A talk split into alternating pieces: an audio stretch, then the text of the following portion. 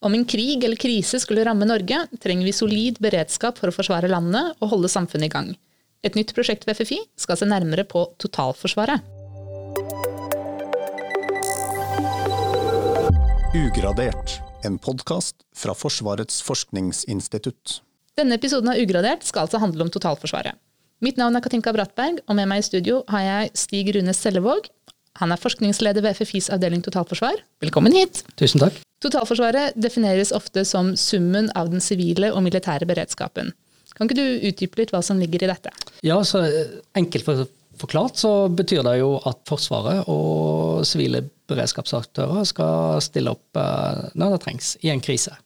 Og den krisen den kan skje i fredstid, eller det kan være knytta til væpna konflikt og krig. Dette totalforsvaret, da, som hvis man skal gå litt dypere inn i det, og sånn som det er i dag, eh, så uttrykkes det jo gjerne i eh, form av det som man kaller totalforsvarskonseptet. Som er basert på gjensidig støtte og samarbeid mellom Forsvaret og det sivile samfunnet knytta til forebygging, beredskap, krisehåndtering og gjenoppretting. Men da knytta til krise. Mm. Så totalforsvaret det er jo basert på um, for det første en rekke samarbeidsordninger og beredskapsordninger. Beredskapslovgivning, men òg øvelser og, og, og, trening blant eh, disse aktørene som inngår i det som man omtaler som totalforsvaret. Så Forsvaret utgjør den militære delen. Kan du si kort noe om de aktørene som utgjør den sivile delen av dette? Ja, der er det jo mange. Og på, bare på sentralt nivå eh, så er det kanskje sånn nærmere 30 Eh, samarbeids- og beredskapsorganer som utgjør eh, den sivile delen av eh, totalforsvaret, og som da er underlagt departementene. Og noen viktige aktører i den sammenheng er DSB, åpenbart, Direktoratet for samfunnssikkerhet og beredskap. Man har redningstjenestene, helsevesenet, politiet, Sivilforsvaret, Statsforvalteren har en viktig rolle, en viktig samordningsrolle på regionalt nivå. Kommunene er åpenbart en viktig beredskapsaktør, som, som de ofte liker å si. Enhver krise skjer i en kommune. Frivillige er særdeles viktige.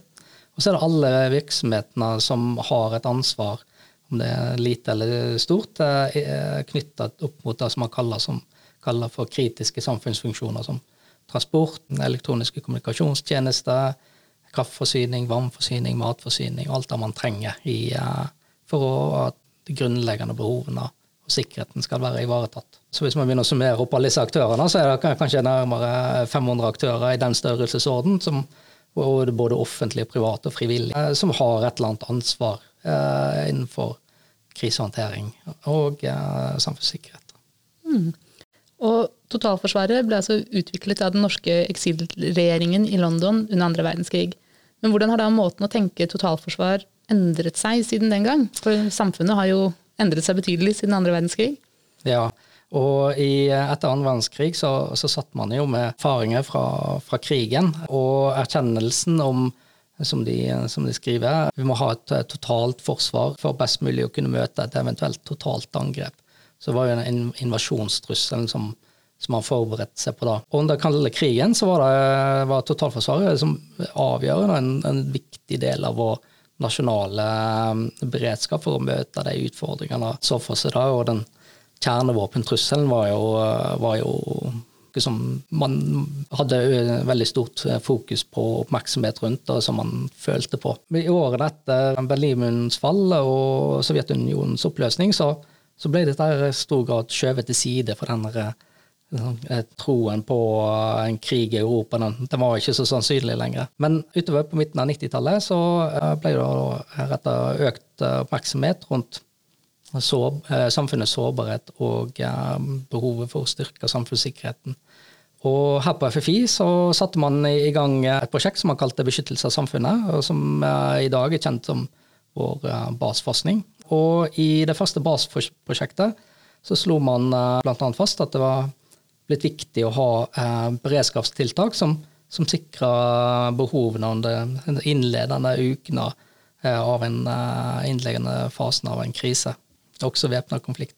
Og det var viktigere å se på sammenhengen mellom beredskap i fredstid og den beredskapen som man, man trengte i væpna konflikt. Og Da er det viktig å, å, å beskytte sivilbefolkningen gjennom å beskytte viktige samfunnsfunksjoner som må være opprettholdt til enhver tid. Disse eh, kritiske samfunnsfunksjonene som man kjenner til i dag, og som man har hørt om eh, nå under pandemien f.eks., de ble definert for første gang i det første BAS-prosjektet på FFI i perioden 1994 til 1997. Mm, hvilke kritiske samfunnsfunksjoner var det, var det snakk om det? Nei, det er jo stort sett de samme som i dag. Så lov og orden, helsevesenet, kraftforsyning, transport osv. Mm. Matforsyning. Hvis jeg forstår deg rett, så sier du at under den kalde krigen så var det totalforsvaret dreide seg om at det sivile samfunnet i stor grad skulle støtte Forsvaret ved en eventuell invasjon. Etter murens fall så skiftet dette litt til at Forsvaret kunne støtte det sivile samfunnet. Men har vi nå i de siste årene eh, sett at pendelen kanskje svinger litt tilbake igjen? Kanskje etter eh, annekteringen av Krim i, i 2014 og sånn, at det igjen er et mer fokus på at sivilsamfunnet må støtte den militære delen av totalforsvaret? Ja, eh, det er det. Og jeg kan begynne å og kanskje si litt, om, si litt om den Forsvarets støtte til sivilsamfunnet, som, som, kanskje særlig kom til uttrykk, og eh, som behovet for det kom jo særlig til uttrykk eh, på tidlig 2000-tall med, med terrorhendelsene i USA, og ikke minst terrorangrepene 22.07. her hjemme hos oss. Jeg kan også så at det er behov for at støtte den andre veien, at eh, Forsvaret stiller opp både ved terrorhendelser, men også ved alvorlige naturhendelser. Men uh, som du sier, da, med, med, med Russlands annektering av Krimhalvøya, så, så, har pendelen uh, svinga tilbake til det å forbered, være forberedt hvis et væpna angrep skulle skje. Uh, og da trenger Forsvaret sivil støtte, som det alltid har gjort. Og Du nevnte jo også at eh, ved FFI så har vi har forsket på dette siden 90-tallet, gjennom dette bas, eh, basforskningen. Og uh, vi har jo i tillegg veldig mye kompetanse også med forskning for Forsvaret generelt. Og Kan ikke du fortelle litt om hvordan all denne forskningen ved FFI kommer sivilsamfunnet til gode? Ja, det kan jeg gjøre. Eh, for å begynne med basforskningen. Den har jo vært veldig viktig, vil jeg si, for eh, kanskje særlig eh, Justisdepartementet, i tillegg til Forsvarsdepartementet, og som har danna underlag for, for, mange av stortingsmeldingene på, på, samfunnssikkerhet. Men så er det på mange andre områder hvor FFIs forskning er relevant. For det første så er jo det å styrke opp Forsvarets evne en veldig viktig del av å også styrke totalforsvaret, all, all den tid det er en gjensidig støtte og samarbeid eh, mellom militærforsvaret og den sivile beredskapen. Så er det òg på mm, litt mer konkrete ting, f.eks. den forskningen som vi gjør på mikrosatellitter. Den eh, ICE-satellitter, f.eks., som har gjort for det første så har gjort skipstrafikken eh, tryggere. Eh, men det kan òg hjelpe oss eh, til å avdekke ulovlig fiske, eller smuglingsaktiviteter eller miljøkriminalitet. Under pandemien så var jo masse oppmerksomhet rundt denne smitteappen. Og den eh, første smitteappen hadde jo bekymringer knytta til personvernproblematikk. Men der var jo våre kryptoforskere som tok fram en ny løsning som gjorde at digital smittesporing kan gjøres anonymt. Og de fikk jo en personvernpris ifra Datatilsynet på, for det arbeidet der. Et annet eksempel fra eh, pandemihåndteringen var jo all den testinga av smittevernutstyr som vi gjorde her på FFI. Mange så kanskje at våre forskere var og tok prøver i eh, T-baneanlegget osv. for å se på hvordan uh, viruset spredde seg i miljøet rundt oss. Jeg kan man trekke fram veldig mange andre eksempler. Vår radarforskning, som er veldig god. Har bidre, der har vi også bidratt til å teste radar for Norges nye redningshelikopter. Utvikle sikre kommunikasjonssystem for uh, tverrsektoriell samhandling basert på 5G. Og ja, så, sånn kan man jo egentlig fortsette. En lang, lang liste. ja. Um, og her er det da tydelig at FFI har veldig veldig god kompetanse og mye forskning som er um, relevant for totalforsvarsaktørene. Men du er jo altså forskningsleder på et helt nyoppstartet prosjekt eh, som heter Totalforsvaret mot 2040. Um, hvorfor har vi et slikt prosjekt ved FFI? Ja, hvorfor har vi et sånt prosjekt? Og Da må vi kanskje ta utgangspunkt i konseptet for hvordan vi skal forsvare Norge, som altså omtales som eh, forsvarskonseptet. Og forsvarskonseptet er basert på uh, vår nasjonale forsvarsevne. Den er basert på det kollektive forsvaret i Nato. Og den er basert på samarbeid med nære allierte. Bilaterale avtalene. Og disse tre linjene her eh, skal alle sammen understøttes av eh, det som vi kaller totalforsvaret. Den sivile støtten til Forsvaret.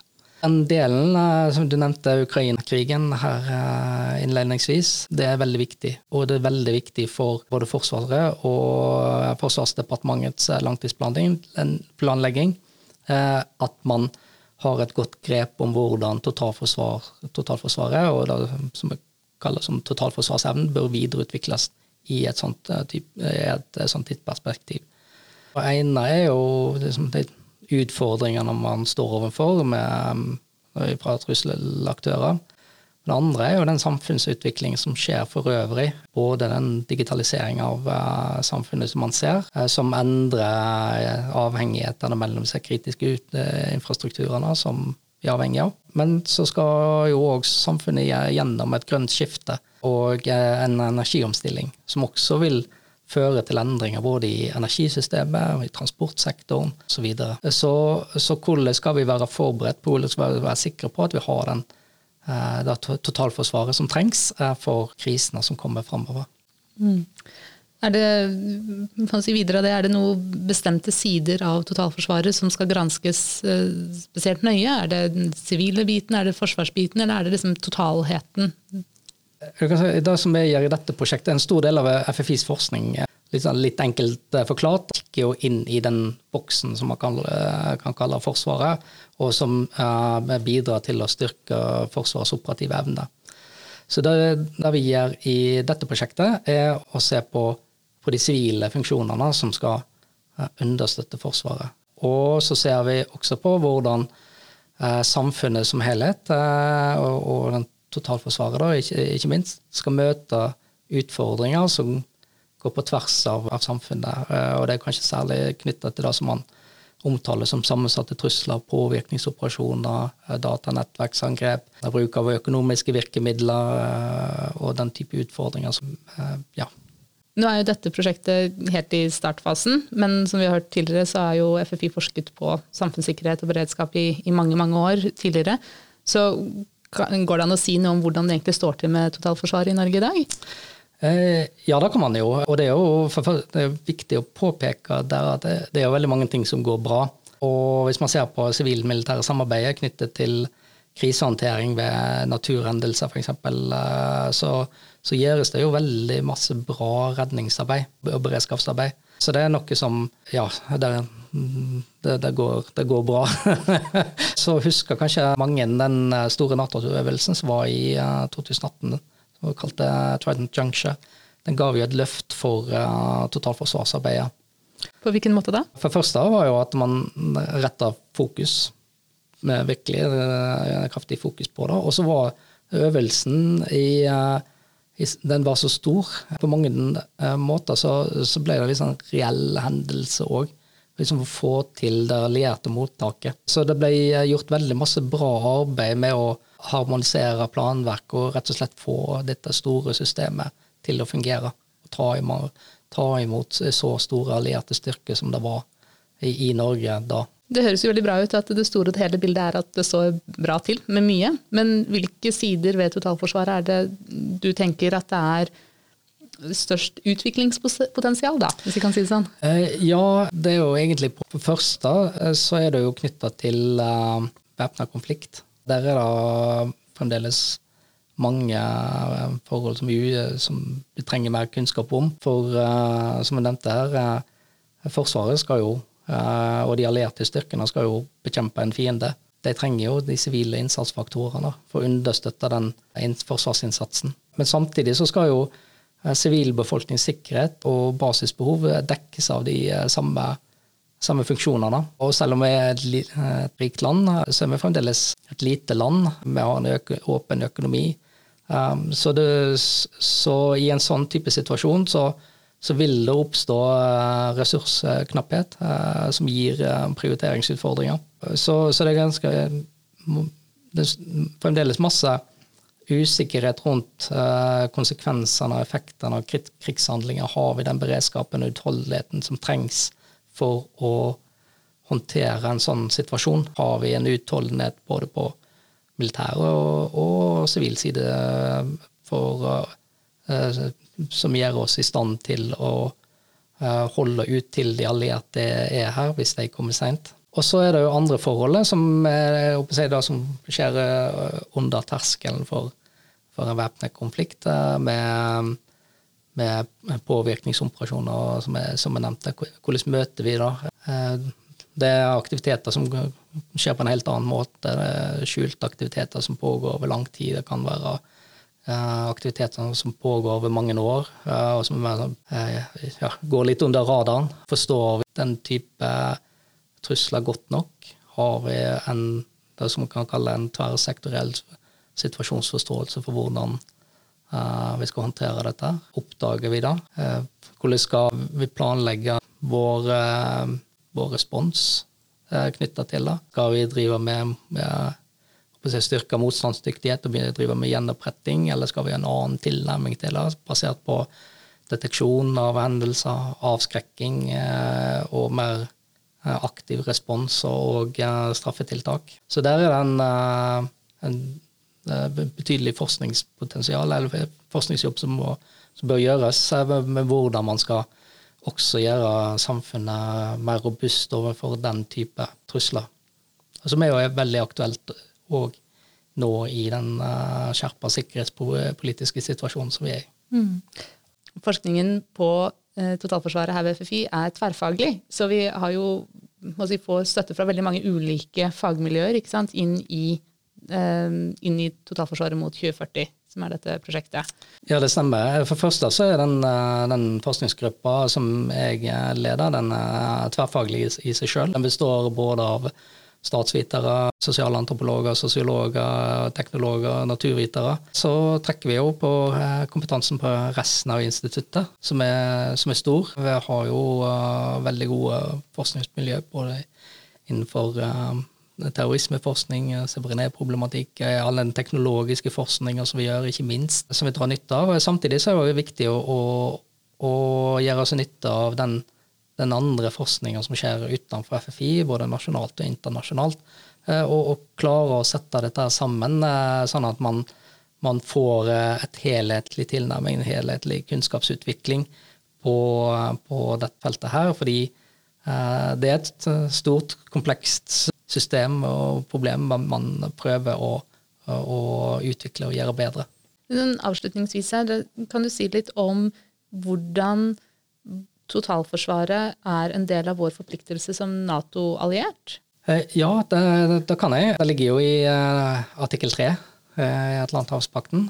Og som nevnt innledningsvis, eller litt tidligere, at forsvarskonseptet er jo basert på disse tre hovedlinjene med Eh, kollektivet i eh, Forsvaret gjennom Nato og de bilaterale avtalene. Og, og totalforsvaret skal jo understøtte den delen også, altså de eh, allierte. Og så har man en så har Natos medlemsland forplikta seg til å, å, styrke samfunnets motstandsdyktighet. Senest på toppmøtet i, i, som var i Nato i uh, fjor. Og det bidrar jo da forskningen ved FFI absolutt til at vi er i stand til å oppfylle. Det gjør vi. Tusen takk for at du kom i studio og tok deg tid til å prate litt om totalforsvaret. Tusen takk. Hvis du som lytter har lyst til å lære mer om totalforsvaret eller totalforsvaret mot 2040, så finner du masse informasjon om dette på ffi.no.